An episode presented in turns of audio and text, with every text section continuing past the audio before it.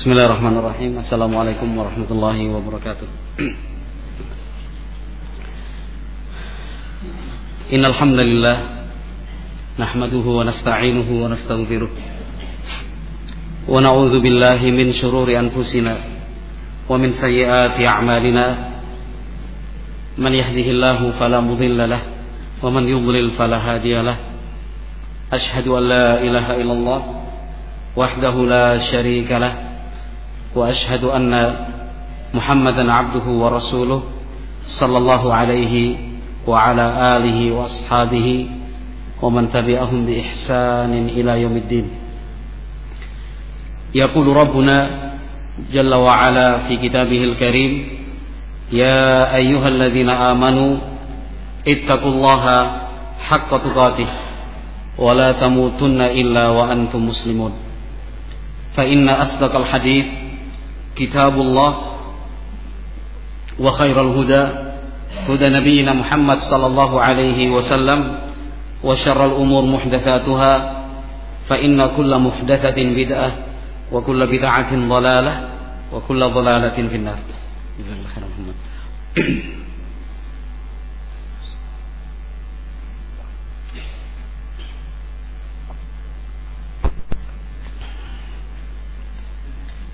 Ikhwati fillah rahimani wa rahimakumullah. Uh, ternyata tidak sekali dua kali saya ditanya. Oleh beberapa orang berbeda pertanyaannya sama.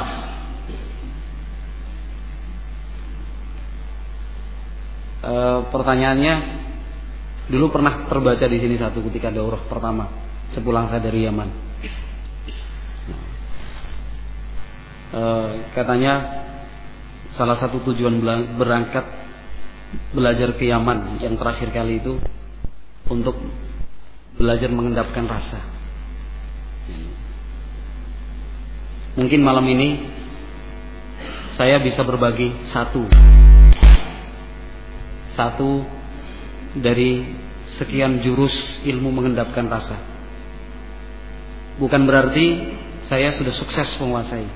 Jangan keliru, jangan salah paham. Di garis bawahi cetak tebal bukan berarti saya telah menguasai ilmu mengendapkan rasa. Belum. Tetapi masih dalam taraf belajar dan berlatih. Masih tahap awal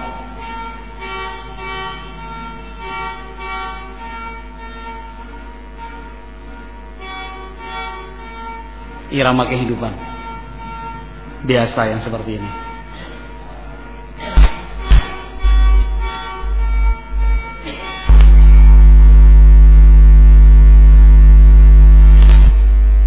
Iya.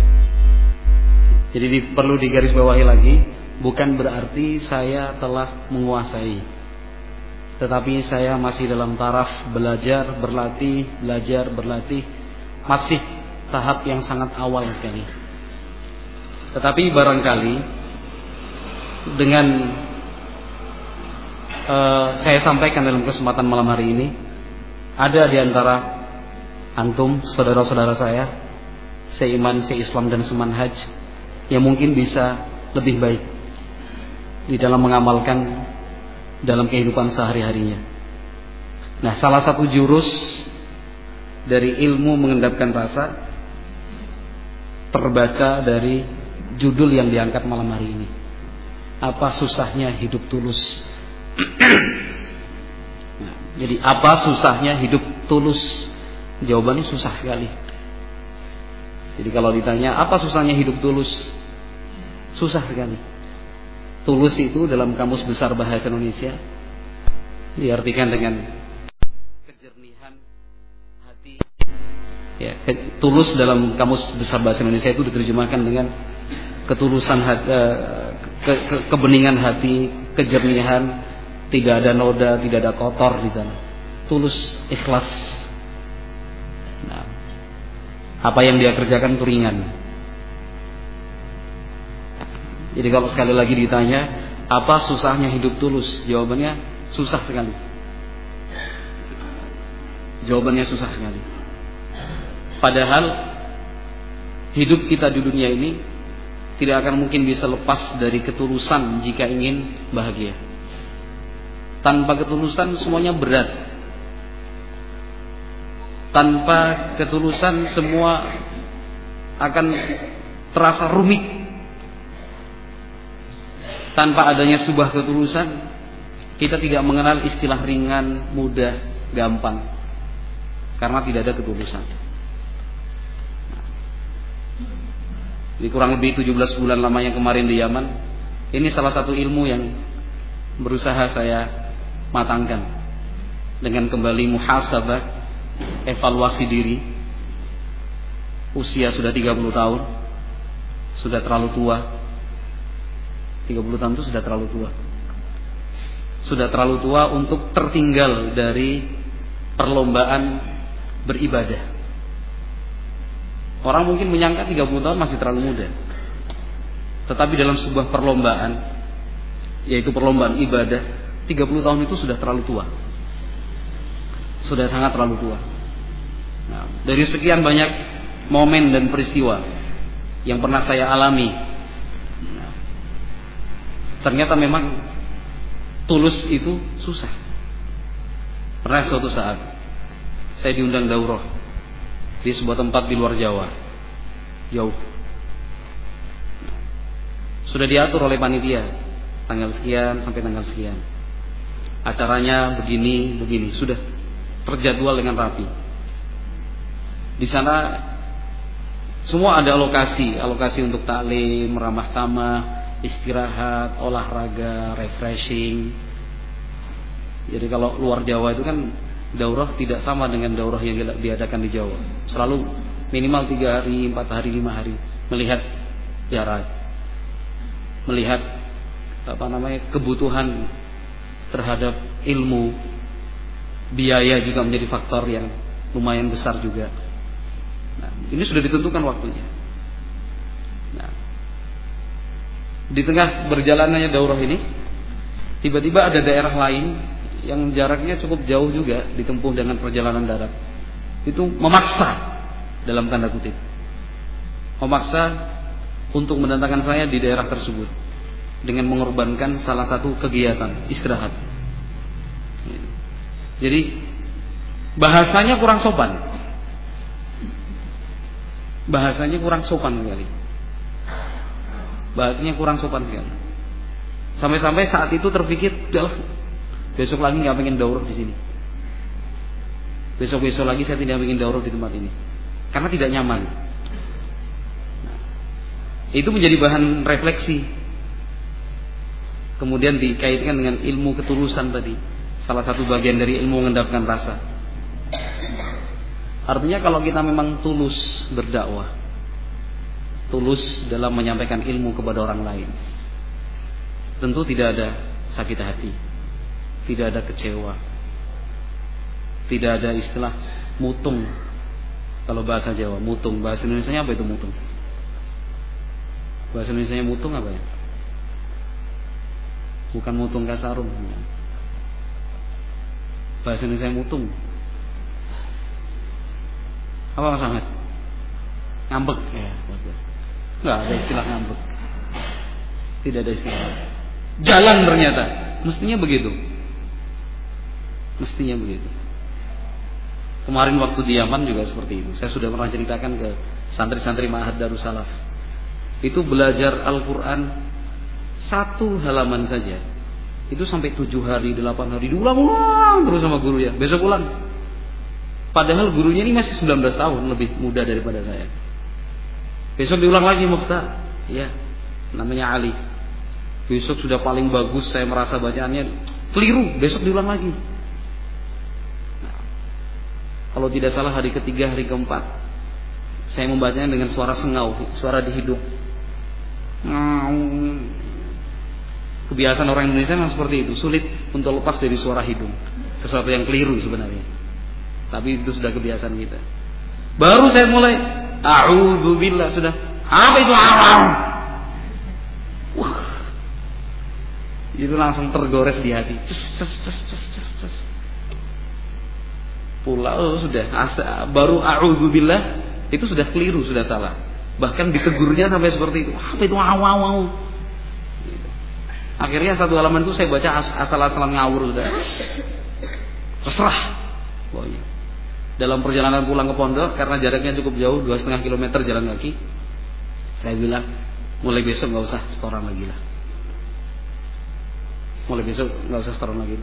Ada juga ulama yang tajudnya kurang baik sudah cari alasan ini ya. Cari-cari alasan. Udah nggak setoran lagi. Tapi kembali tadi ke ilmu ketulusan. Orang kalau belajar Al-Quran, katakan dia sebagai seorang murid, kalau betul-betul dia tulus, ikhlas lillahi azza wa Ternyata mau disalah disalahin gurunya. Dia datang gurunya nggak datang. Dia datang gurunya telat. Dia datang gurunya marah-marah. Itu tidak berpengaruh sama sekali. Karena bagi dia ibadah belajar Al-Quran. Tidak terkait dengan A, I, U, E, O. Nah. Di waktu yang lain Saya sudah masak. Kita udah masak, masak, masak di kamar. Selesai masakan ya, saya masak. Ada teman juga lain masak satu kamar Selesai. Rencana kita akan makan sekamar. Nah, menjelang sholat zuhur ada tamu datang di mahat kami di kamar. Tamu orang Indonesia. Kemudian saya putuskan bersama dengan teman-teman di sana saya sendiri ketika itu sudahlah hasil masakan kita pagi ini kumpulkan jadi satu. Kita hidangkan untuk tamu kita yang baru datang rombongan mereka. Ternyata teman saya nggak setuju. Teman saya nggak setuju. Uh ceweknya bukan main tuh. Sakit hati. Sakit hati tapi tadi saya katakan sedang berlatih dan belajar. Belajar, berlatih, belajar, berlatih. Saya pikir ulang kembali ya. Itu sempat ada ada rasa mengganjal di hati dengan teman saya tadi. Nah, tapi sebelum terlanjur lebih jauh, saya tidak boleh lepas dari namanya ketulusan. Kalau saya tulus berteman, tulus bersahabat, masalah sekecil ini mestinya tidak terlalu dibesar-besarkan. Mestinya tidak terlalu dibesar-besarkan. Cuma masalah makanan saja. Masalah ini masalah yang sangat kecil dan ringan sekali. Nah. Ikhwati filah yang dimuliakan dan rahmati Allah Azza wa Itu tadi cuma tiga dari sekian banyak momen yang pernah saya alami Dan saya yakin masing-masing kita pun pernah Atau bahkan sering mengalami hal-hal seperti itu dikecewakan temannya, dikecewakan istrinya, dikecewakan anaknya, dikecewakan orang tuanya, dikecewakan gurunya, dikecewakan pimpinannya, dikecewakan tetangganya, dikecewakan oleh siapa saja. Saya yakin banyak di antara kita yang pernah merasakannya. Nah, kita perlu mengukur ketulusan yang ada di dalam hati, keikhlasan. Kalau ketulusan itu memang benar-benar ada di dalam hati, ibadah yang sedang kita jalani tidak akan terganggu. Ibadah yang sedang kita jalani tidak akan terganggu. Kewajiban kita laksanakan sebagai kewajiban, walaupun mungkin hak-hak kita tidak tertunaikan. Walaupun hak-hak kita tidak tidak tertunaikan. Ini bagian dari arti sebuah ketulusan. Nah, di sana baru saya memahami. Kalau dulu cuma membaca, menulis, menyampaikan, menghafal, tapi akhir-akhir ini saya sudah bisa merasakan. Ternyata kalimat-kalimat dari para, ulama tentang niat itu sungguh benar sekali. Misalkan ucapan al-Imam Sufyan ibnu Sa'id ibnu Masruq al-Thawri rahimahullah taala. Kata beliau rahimahullah, ma alajtu syai'an ashadda alayya min niyyati li'annaha tanqalibu alayya. Baru akhir-akhir ini saja ikhwati fillah barakallahu fikum saya bisa merasakan apa yang dirasakan oleh al-Imam Sufyan As-Sawri rahimahullah. Tidak ada satu hal yang lebih berat untuk aku hadapi, untuk aku sembuhkan untuk aku kalahkan, untuk aku kekang, untuk aku kuasai dibandingkan niatku. Kata beliau kenapa li annaha tanqalibu alayya? Karena niat itu ternyata selalu berubah-ubah. Niat itu selalu berubah-ubah. Dulu kalimat ini sudah saya hafal. Pernah saya terjemahkan, saya sampaikan. Tapi sekali lagi barakallahu fikum baru akhir-akhir ini bisa saya pahami betul. Memang tinggal prakteknya juga. Kalau memahami, saya katakan akhir-akhir ini prakteknya sedang berjalan, berlatih, belajar, berlatih, belajar. Ini satu ibadah, bisa. Satu ibadah sedang saya kerjakan, Ret, begitu. Satu ibadah saya kerjakan. Katakan tadi mentas uh, me, me, apa namanya store hafalan Al-Quran. Ini kan ibadah ya, menyetorkan hafalan Al-Quran. Setorkan ibadah ini, lillah subhanah. Tapi di tengah perjalanan tadi, Kadang kita dihadapkan dengan seorang guru yang kaku. Apakah niat kita tetap lurus, tulus, atau karena kekakuan sang guru kemudian berubah niat kita? Seperti itu kenyataannya. Nah, kita punya niat belajar bahasa Arab, tapi ternyata gurunya sering telat, sering gaib, tidak masuk tanpa keterangan. Misal, ini masih tetap semangat apa enggak ini? Kembali kepada ketulusan hati kita dalam belajar bahasa Arab. Nah, jadi memang kalau ditanya apa susahnya hidup tulus ya berat, berat sekali. Makanya para ulama rahimahumullah seperti Al-Imam Abdurrahman Ibnu Mahdi beliau menyatakan lau sannaftu kitaban fil abwab la ja'altu hadits Umar innamal a'malu binniyat fi kulli babin. Kata Imam Abdurrahman Ibnu Mahdi rahimahullah, seandainya saya menyusun sebuah kitab yang terdiri dari sekian banyak bab, pasti dalam tiap-tiap bab itu aku letakkan pertama kali hadis Umar bin Khattab, "Innamal a'malu binniyat wa innamal likulli imri'in ma nawa." Sesungguhnya amalan itu tergantung dengan niatnya apa yang diperoleh seorang hamba tergantung juga dengan niatnya. Ibadah itu sah ataukah tidak tergantung niat. Dapat pahala ataukah malah mendapatkan dosa itu pun kembali kepada niatnya. Kembali kepada ketulusan. Itu berat sekali. Berat sekali. Al-Imam Syafi'i rahimahullah. Al-Imam Ahmad Ibnu Hanbal rahimahullah dan sekian banyak ulama yang lain beliau-beliau mengatakan hadzal hadis thuluthul ilm Hadis Umar bin Khattab radhiyallahu taala anhu ini merupakan sepertiga dari seluruh ilmu yang sampai kepada kita. Hadis innamal a'malu binniyat itu adalah sepertiga dari sekian dari seluruh hadis Nabi Shallallahu alaihi wasallam yang sampai kepada kita. Nah. Jadi memang ikhwati fillah barakallahu fikum kita seharusnya memang perlu ya banyak-banyak tadabbur merenung evaluasi, muhasabah. Ini menghisap diri sendiri, memperhitungkan dan mengukur kadar diri. Itu harus sering dilakukan. Karena karena ketulusan itu seperti yang saya sebutkan di depan tadi, tidak akan bisa lepas dari seluruh kehidupan kita. Bahkan kata Imam Syafi'i rahimahullah, yadkhulu fi sab'ina baban minal fikhi.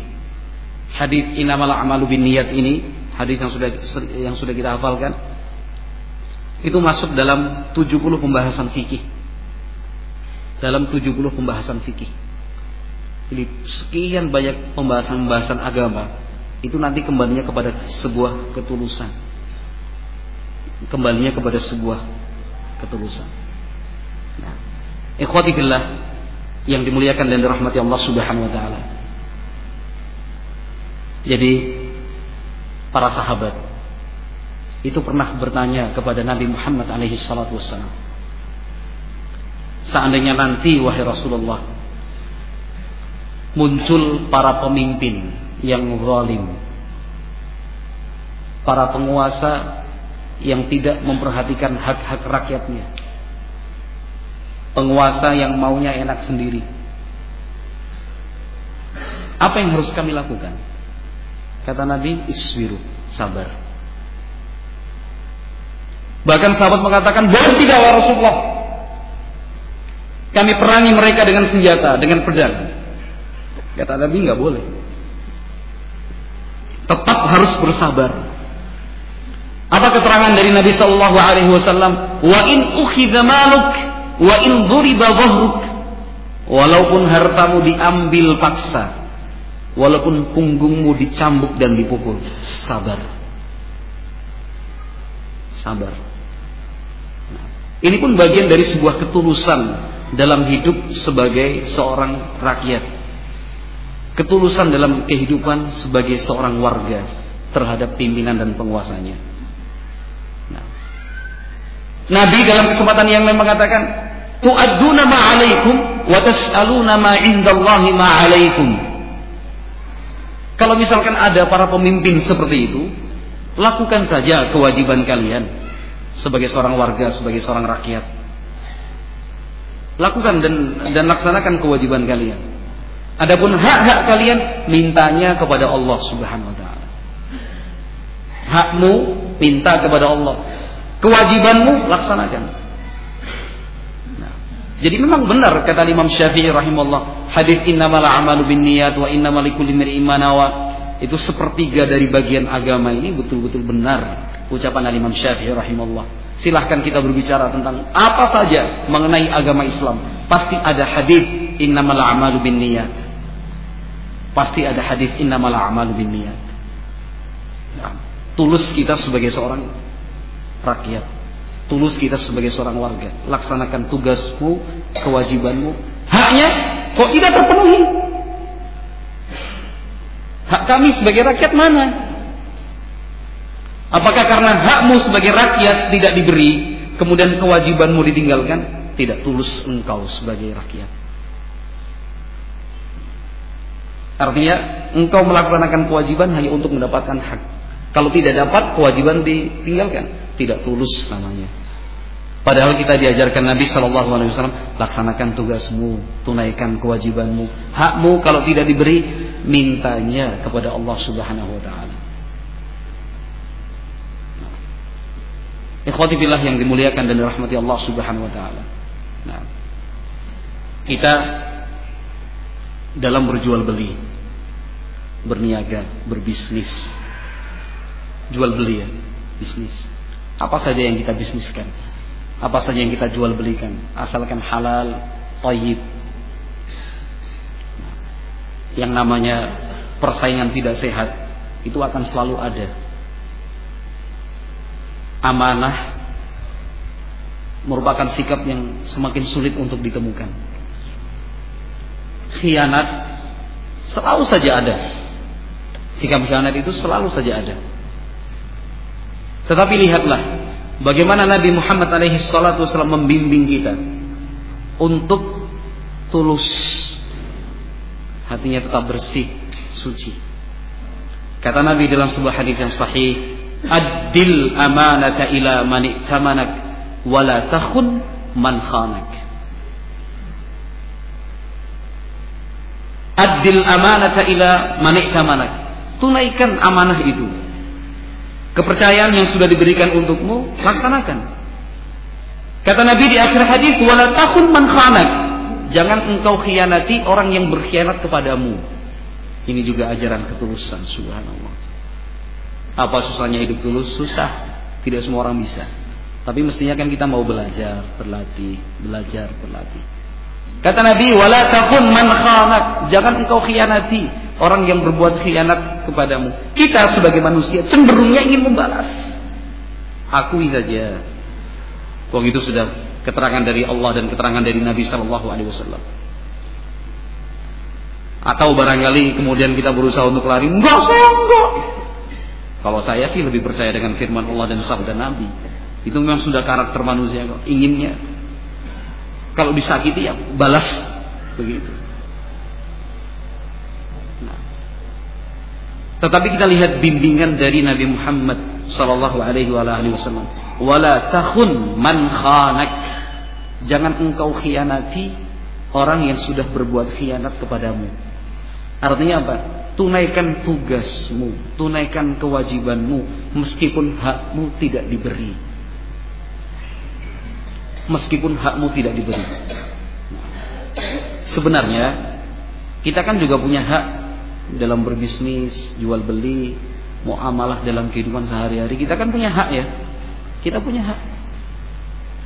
Nah, tapi kadang-kadang dari rekan bisnis kita, dari kolega kita, dari partneran kita, nah, atau link-link kita, ternyata ada semacam ketidakjujuran. Apakah yang seperti itu membu mem apa namanya membuat kita boleh untuk melakukan tindakan yang tidak jujur juga? Keliru. Tidak boleh seperti itu. Engkau harus jujur. Engkau harus tetap tulus. Berat ya. Oh, disakiti kok. Dikhianati kok. Gak boleh membalas. Hak kita tidak diberi kok. Masa kewajiban terus kita lakukan? Bukan seperti itu. Kewajibanmu tunaikan walaupun hakmu tidak diberikan. Itu pesan dari Nabi Muhammad sallallahu alaihi wasallam. Adil amanata ila man ikamanak wa la takhun man khanak. Kita sekarang sebagai anak sering sekali dikecewakan oleh orang tua dalam perasaan kita. Mungkin saja orang tua sama sekali tidak berniat untuk mengecewakan kita. Tapi dalam perasaan kita sebagai seorang anak, Mungkin sikap orang tua itu mengecewakan. Ucapan orang tua itu sangat menyakitkan sekali. Menuntut dari kita sesuatu yang di luar batas kemampuan kita. Di luar batas kemampuan kita. Atau misalkan orang tua tidak sependapat, tidak setuju dengan apa yang kita lakukan. Ingin berbuat baik, ingin belajar agama lebih dalam. Ternyata orang tua tidak menyetujui. Atau orang tua tuntutannya macam-macam. A, B, C, D, E, F, G. Sekian banyak tuntutan dari orang tua. Jadilah anak yang tulus dalam berbakti. Tulus dalam berbakti itu artinya apa? Allah Subhanahu wa taala di dalam sekian banyak ayat memerintahkan kita untuk berbakti dan berbuat baik kepada orang tua. Walaupun orang tua itu kafir sekalipun, berbeda agama. Walaupun orang tua memerintahkan kita untuk berbuat syirik. Tidak kita ikuti perintah tersebut. Tetapi bukan berarti kemudian kita bersikap kasar kepada mereka. Bukan berarti kemudian kita memutuskan hubungan dengan mereka. Bukan berarti kemudian kita boleh untuk mengucapkan kata-kata yang tidak baik terhadap mereka. Bukan. Nah, tulus dalam berbakti. Tugas dan kewajibanmu apa? Berbakti. Lakukan apa yang bisa engkau lakukan semampumu, tidak berlebihan. Kalau itu bisa dilakukan, beri. Kalau misalkan itu bisa diberikan, kenapa kemudian ditahan? Nah, tulus dalam berbakti kepada orang tua. Meskipun orang tua seperti itu saya gambarkan tadi. Orang tua ya, itu tadi terlalu keras, terlalu banyak tuntutannya, ini, ini, ini dan itu. Sementara yang bisa kita lakukan hanya ini. Tetap, meskipun dikata-katain, Nah, sehingga akan bisa merusak ketulusan dalam bakti seorang anak apabila muncul sikap kasar dari orang tua. Dan itu sangat menyakitkan hati. Lantas melunturkan atau mengurangi sikap bakti kita kepada orang tua berarti ketulusannya masih kurang ketulusannya masih kurang dalam apa berbakti kepada orang orang tua. Berbakti kepada orang tua. Naam, barakallahu fikum. Dalam sebuah keluarga besar. Ini saya berusaha untuk mendatangkan sekian banyak contoh ya. Dalam sebuah keluarga besar. Ada kakek, nenek, paman, om, apa segala macam. Misalkan ada satu hari yang sudah disepakati oleh seluruh anggota keluarga. Ini anggotanya mungkin 20, 30, 50 orang mulai dari cucu eh mulai dari kakek sampai cucu. Sudah banyak sekali. Acara makan-makan lah ramah tamah di sebuah tempat misalkan pinggir pantai sudah disetting di pinggir pantai Misalkan saya terlibat dalam kepanitiaan tersebut. Misalkan saya sudah terlibat dalam kepanitiaan tersebut. Makanan kita yang urus, cateringnya, pemilihan lokasinya, jenis karpet dan tikarnya, kemudian desainnya, mungkin putra dan putri sudah disepakati untuk dipisah mikrofonnya bisa. Karena mungkin kakek mau berbicara, nenek juga ingin menyampaikan beberapa petuah dan nasihat serta ujangan. Kita yang terlibat dalam panitia katakan cuma lima orang saja. Karena kita punya modal dan biaya bisa bayar sana, bisa bayar sini. Hari H, jam J, detik D, acara dimulai. Mikrofonnya ternyata bermasalah. Nih, bisa. Jadi kakek sama nenek itu bicaranya harus keras. Tiba-tiba ada salah seorang anggota keluarga, panik ini siapa sini? Misalnya, nggak becus, urus kayak gini, wah, segala macam. Misal, nah, di situ ketulusan saya diuji. Ketulusan saya diuji. Artinya saya mempersiapkan mikrofon, lokasi, apa cateringnya, semua settingan ini dan itu. Saya berbuat untuk siapa? Untuk mencari ridho dari Allah karena ini demi keakraban dan silaturahmi antara keluarga. Ataukah untuk mendapatkan pujian dan sanjungan sehingga tidak siap untuk menerima kritikan dan celaan dari orang. Ini kembali ketulusan kita diuji. Kalau misalkan kata-kata yang terucap, wah kalau kayak gini caranya besok saya nggak mau jadi panitia lagi. Apa ini? Ketulusannya masih kurang. Ketulusannya harus dipertanyakan. Ya apa susahnya hidup susah? Apa susahnya hidup tulus? Susah. Susah. Saya yakin dari beberapa gambaran ini saja, saya sudah bisa menggambarkan kepada antum barakallahu fikum. Benar kan kata Sufyan Tsauri? Yang paling sulit untuk diobati itu apa? Apa kata Sufyan Tsauri? Niat ya. Pertama niatnya lillah subhanahu wa taala. Baru dapat dari omnya, dari pak D-nya apa kamu ini? Nggak becus ngurusi mikrofon aja sampai kayak gini. Itu sudah niatnya berubah. Aduh. Nah, contoh yang lain. Seorang suami. Nah, dia kan punya cinta kepada istrinya. Cinta kepada istrinya. Nah, ternyata istrinya ini menuntut banyak ya. Ini, ini, ini, ini, ini, ini, ini, ini. Menikah itu kan ibadah. Mencintai istri pun ibadah. Itu ibadah semua dalam rumah tangga. Ketika kita mengucapkan ijab kabul dalam prosesi apa namanya yang sangat sakral sekali yang disebut dengan akad nikah itu itu semua kan sudah kita terikat dalam satu lingkaran ibadah dengan istri. Ketika misalkan seorang istri kemudian banyak tuntutan ini ini ini kamu itu begini, masnya seharusnya begini, mas seharusnya begini ini. Luntur ataukah tidak cinta kita kepada istri? Luntur ataukah tidak cinta kita kepada istri? Itu kembali kepada ketulusan dalam mencintai.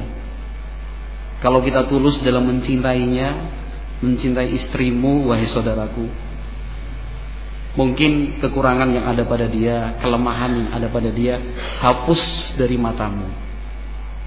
Karena Nabi sudah menyatakan la yafraku mu'minun mu'minatan in kariha minha khuluqan radhiya minha khuluqan akhar kata Nabi. Hadis riwayat Muslim.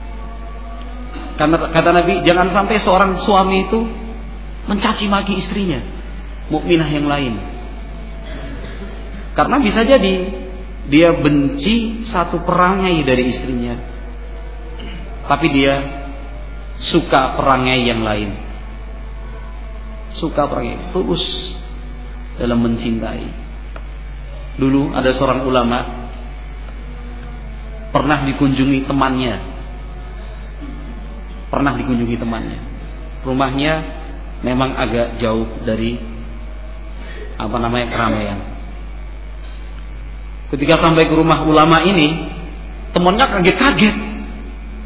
Kok bisa? seekor singa garang. Itu di atasnya kayu-kayu bakar.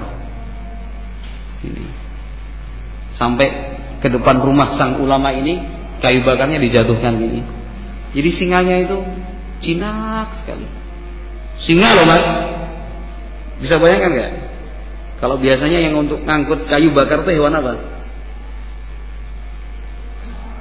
Hewan apa biasanya untuk ngangkut kayu bakar itu? Hah? Kijang.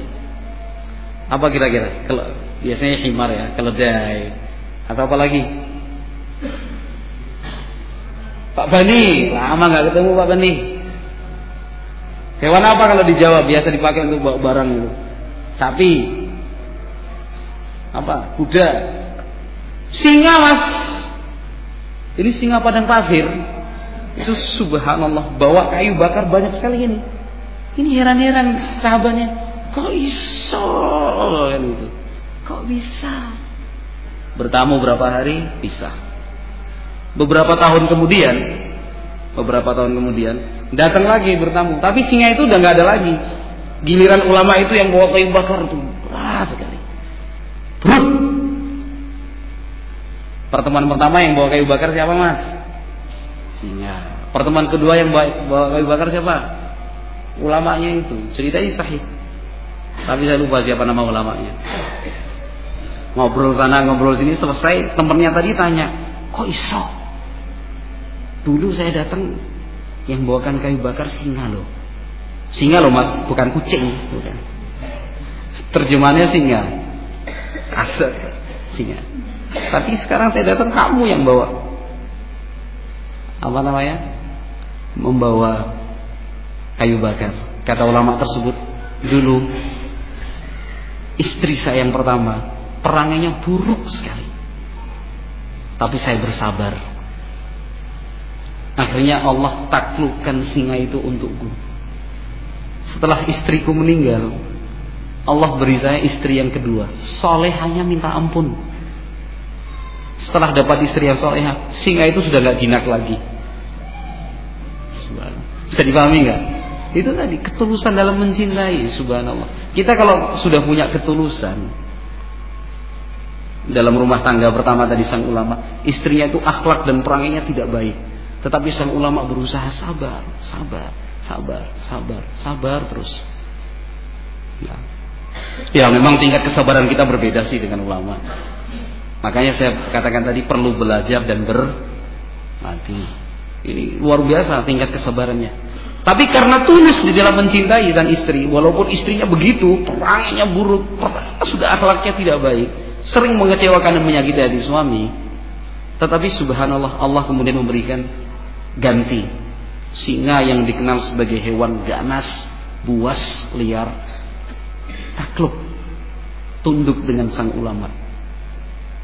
Tetapi berikutnya ketika istri pertama meninggal, ganti dengan istri kedua, istri yang salehah. Sudah baik ini, akhirnya singa itu sudah tidak tunduk lagi. Imbang, adil. Nah, Ikhwati filah yang dimuliakan dan dirahmati Allah. Seperti itu juga seorang istri ketika ia melihat suami. Nah, mungkin suaminya apa namanya pelit. Nah, keuangan rumah tidak pernah disampaikan kepada istrinya. Pokoknya istrinya cuma terima tahu terima saja satu hari dua puluh ribu satu hari tiga puluh ribu kalau istrinya tanya mas penghasilan kamu itu sebenarnya sebulan berapa? Jangan tanya-tanya. Misalnya pokoknya yang kamu butuhkan saya kasih. Nggak usah nanya penghasilan saya berapa? Terima saja. Mungkin ketus jawabannya kasar dan segala macam. Kembali ketulusan seorang istri di dalam melayani sang suami. Suaminya seperti itu. Nah, sikapnya tidak baik. Sang suami mungkin dikatakan terlalu kasar. Barakallahu fikum. Terlalu kasar. Nah, tetapi kembali ketulusan seorang istri itu di diuji. Nah, ketulusan seorang istri itu diuji. Kita dalam bersahabat, berteman pun demikian. Bersahabat dan berteman pun demikian. Yang namanya hidup berteman, hidup bersahabat tidak mungkin lepas dari kecewa. Itu sesuatu yang mustahil. Sangat-sangat mustahil. Tidak ada kecewa, tidak ada sakit hati. Itu tidak mungkin. Pasti selalu saja ada. Tidak cocok, salah paham, salah sangka, beritanya keliru, informasinya ternyata tidak valid, yang kemudian mengakibatkan perasaan itu tidak enak, itu biasa. Tetapi kembali, ketulusan kita diuji, ketulusan dalam berteman, ketulusan dalam bersahabat, yang oleh para ulama disebut dalam kalimat-kalimat bijaknya. Nah, idza ra'aita min akhika khata'an fahmil lahu sab'ina mahmalan fa illam tajid faqul la'alla lahu 'udhrun la a'lamu ini sebuah nilai ketulusan yang harus kita miliki dalam berteman dan bersahabat. Kata Nabi dalam berteman dan bersahabat kalau engkau melihat saudaramu melakukan satu kesalahan melihat saudaramu melakukan satu kesalahan usahakan untuk mencari sekian banyak uzur sampai 70 uzur pun cari. Mungkin sedang marah mungkin sedang lupa mungkin tidak tahu. Nah mungkin tidak sadar. Mungkin bukan itu maksudnya. Mungkin tujuannya bukan saya. Nah mungkin mungkin mungkin mungkin terus ya. Sampai 70 kata para ulama. Seandainya 70 kemungkinan itu kita cari ternyata tidak selalu benar, nggak mungkin deh. Nggak mungkin nggak tahu, Wong sudah sudah kasih tahu kok. Nah, nggak mungkin tujuannya bukan saya, Wong wajahnya dihadapkan kepada saya kok. Gitu. Mungkin maksudnya selain itu, jelas dia ucapkan begini kok. Itu dalam bersahabat dan berteman. Sampai 70 kemungkinan ternyata tidak ada yang benar. Kata para ulama, tinggal satu kemungkinan pasti benar. Apa kata ulama? La'alla lahu udhrun la a'lamu. Mungkin dia teman yang berbuat salah tadi punya satu uzur tapi saya tidak tahu. Luar biasa kan ulama kita mengajarkan itu. Mengajarkan kita sebuah ketulusan. Bisa dipahami nggak ini? Kita sudah cari sampai kemungkinan pertama, dua, tiga, empat, lima, enam, tujuh, sampai tujuh puluh kemungkinan nggak ketemu, nggak mungkin. Berarti masih ada satu kemungkinan apa kemungkinan yang terakhir ke-71 itu dan mau tidak mau sampai di situ? Kata para ulama, berpikir barangkali teman saya tadi berbuat salah. Menyakiti dan mengecewakan saya karena saat ada sebuah alasan yang saya tidak tahu. Apa alasan itu? Saya tidak tahu. Yang jelas teman saya tadi pasti punya alasan. Maafkan. Nah, maafkan. Itu tadi ketulusan dalam berteman, ketulusan dalam bersahabat, ketulusan dalam bertetangga. Semua. Subhanallah. Nah. Nah, ini semua ikhwati fillah barakallahu fikum kembali kepada hadis Umar bin Khattab radhiyallahu taala anhu, "Innamal a'malu binniyat wa innamal likulli imri'in ma Niat kita berteman itu apa? Niat kita bersahabat itu apa? Niat kita berbakti kepada orang tua itu apa? Niat kita sebagai suami itu apa? Niat kita sebagai seorang istri itu apa? Niat kita sebagai seorang guru itu apa?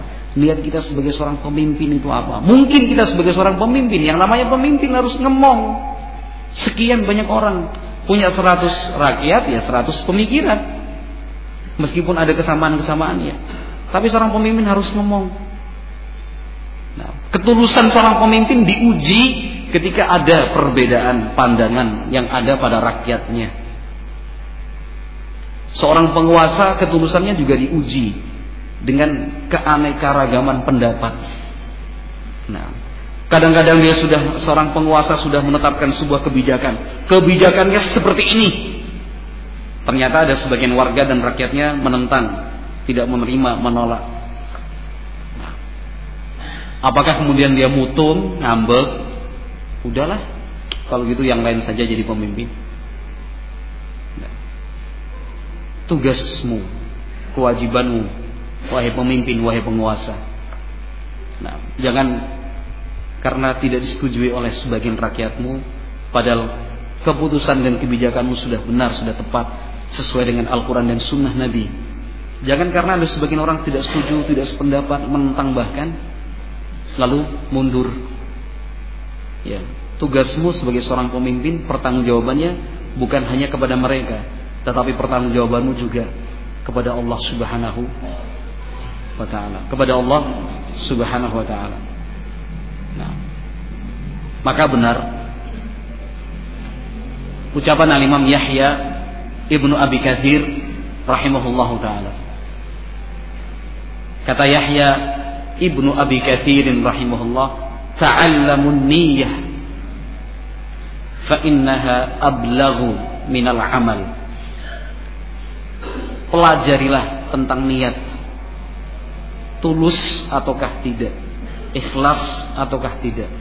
Riak ataukah sum'ah? Kita berbuat, kita bekerja itu karena orang untuk dipandang, dipuji, diceritakan sana kemari, ataukah kita beramal dan berbuat itu karena Allah Subhanahu wa taala? Kalau engkau berbuat dan beribadah karena Allah Subhanahu wa taala, meskipun kanan, kiri, muka, belakang diomongin ini, ini dan itu tidak berubah sikapmu tidak akan mengendurkan semangatmu dalam beribadah. Kalau memang itu karena Allah Subhanahu wa taala. Kembali kepada ketulusan. Nah. Kata beliau rahimahullah ta'ala niyyata fa innaha ablaghu minal amal. Pelajari tentang niat itu sedikit demi sedikit.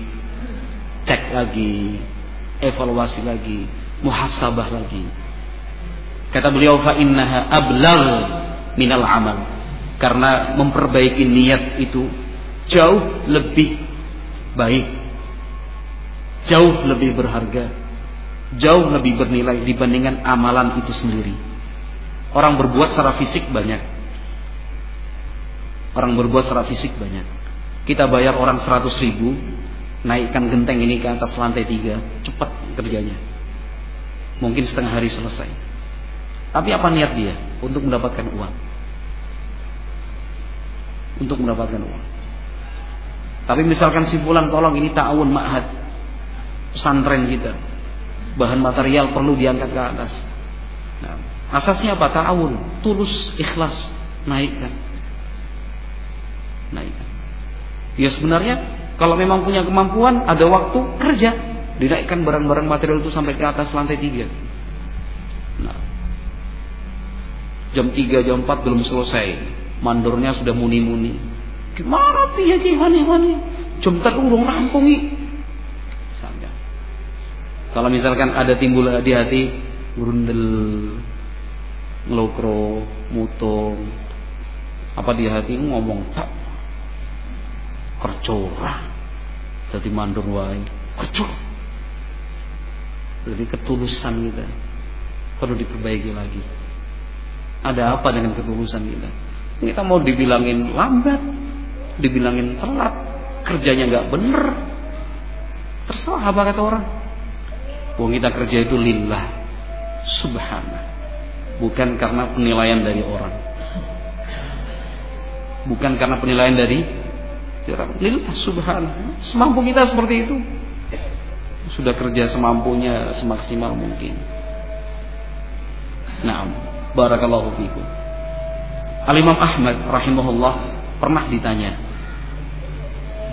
Al-Imam Ahmad rahimahullah pernah ditanya. Yang dimaksud menjaga ketulusan dalam beramal itu seperti apa?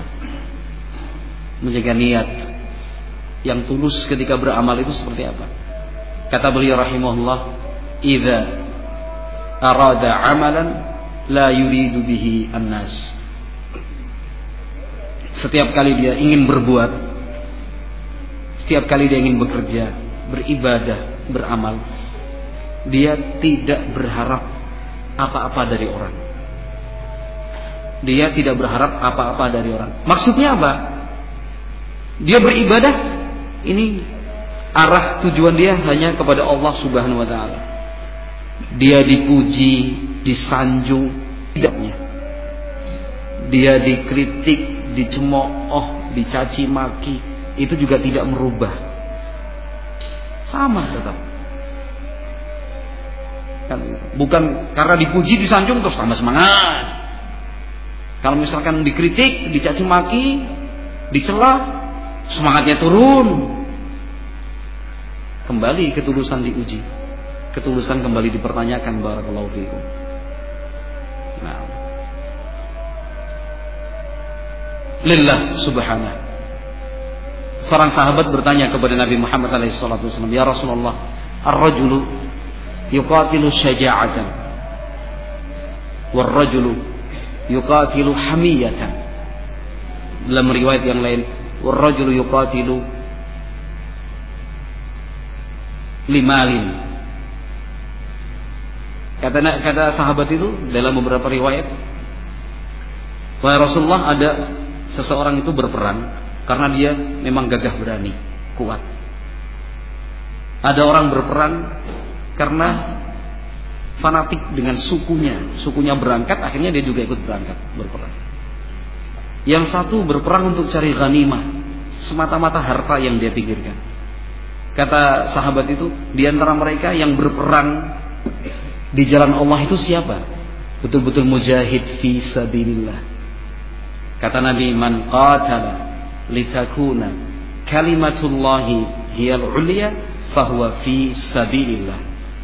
Barang siapa yang berperang demi menegakkan kalimat Allah agar menjadi yang tertinggi di atas muka bumi, dialah yang pantas disebut sebagai mujahid fi sabilillah. Sebagai mujahid fi sabilillah ya azza. Dan hadis ini ikhwati fillah barakallahu fikum berlaku untuk semua jenis ibadah. Bisa berlaku dalam semua kegiatan dan aktivitas kita sehari-hari. Semuanya tanpa terkecuali. Ibadah kita kepada Allah Subhanahu wa taala, salat kita, zikir kita, membaca Al-Qur'an kita. Dalam muamalah kita pun seperti itu. Muamalah antara suami dan istri dalam rumah tangga, muamalah antara anak dan orang tua, muamalah dengan tetangga, hidup bermasyarakat, muamalah antara guru dan murid-murid dengan gurunya, muamalah antara atasan dengan bawahannya, bawahan dengan atasannya. Muamalah dalam hidup bersahabat, berteman, muamalah dalam hidup bertahun semacam di pesantren seperti ini. Hidup pesantren seperti ini berat. Tulusnya itu berat sekali. Hidup tulus dalam berpesantren seperti ini berat sekali. Makanya pahalanya pun banyak.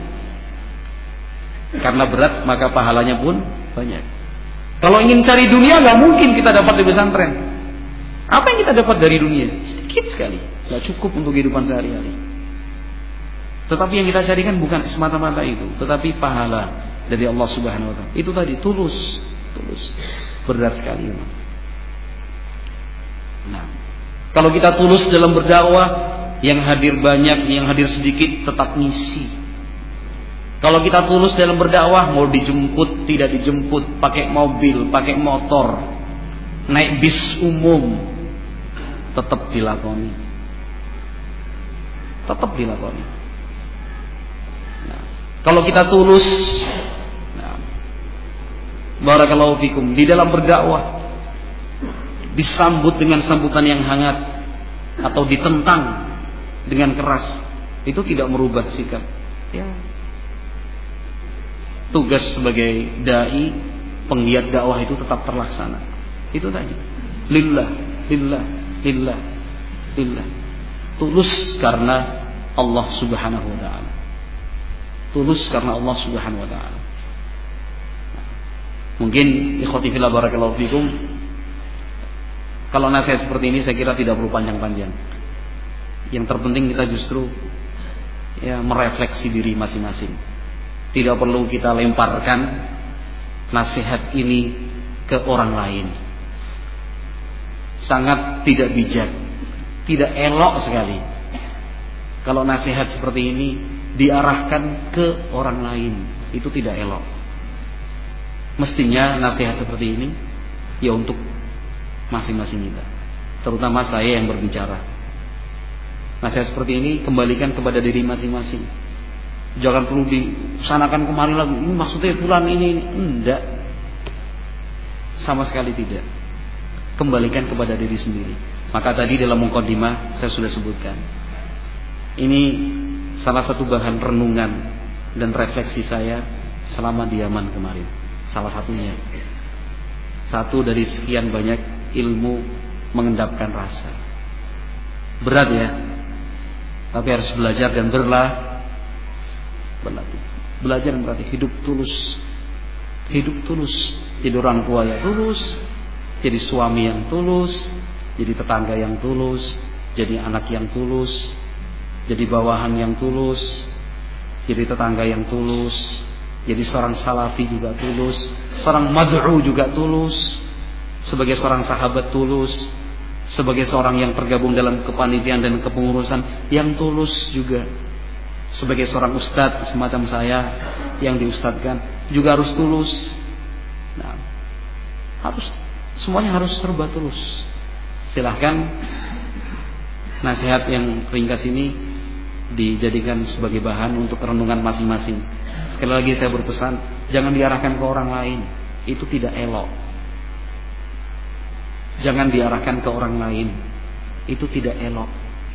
Arahkan nasihat ini kepada masing-masing kita. Wallahu a'lam bishawab. Mudah-mudahan Allah Subhanahu wa taala memberikan kemudahan kita untuk mengamalkannya. Subhanakallahumma wa bihamdik asyhadu an la ilaha illa anta astaghfiruka wa atubu ilaik. Wassalamualaikum warahmatullahi wabarakatuh.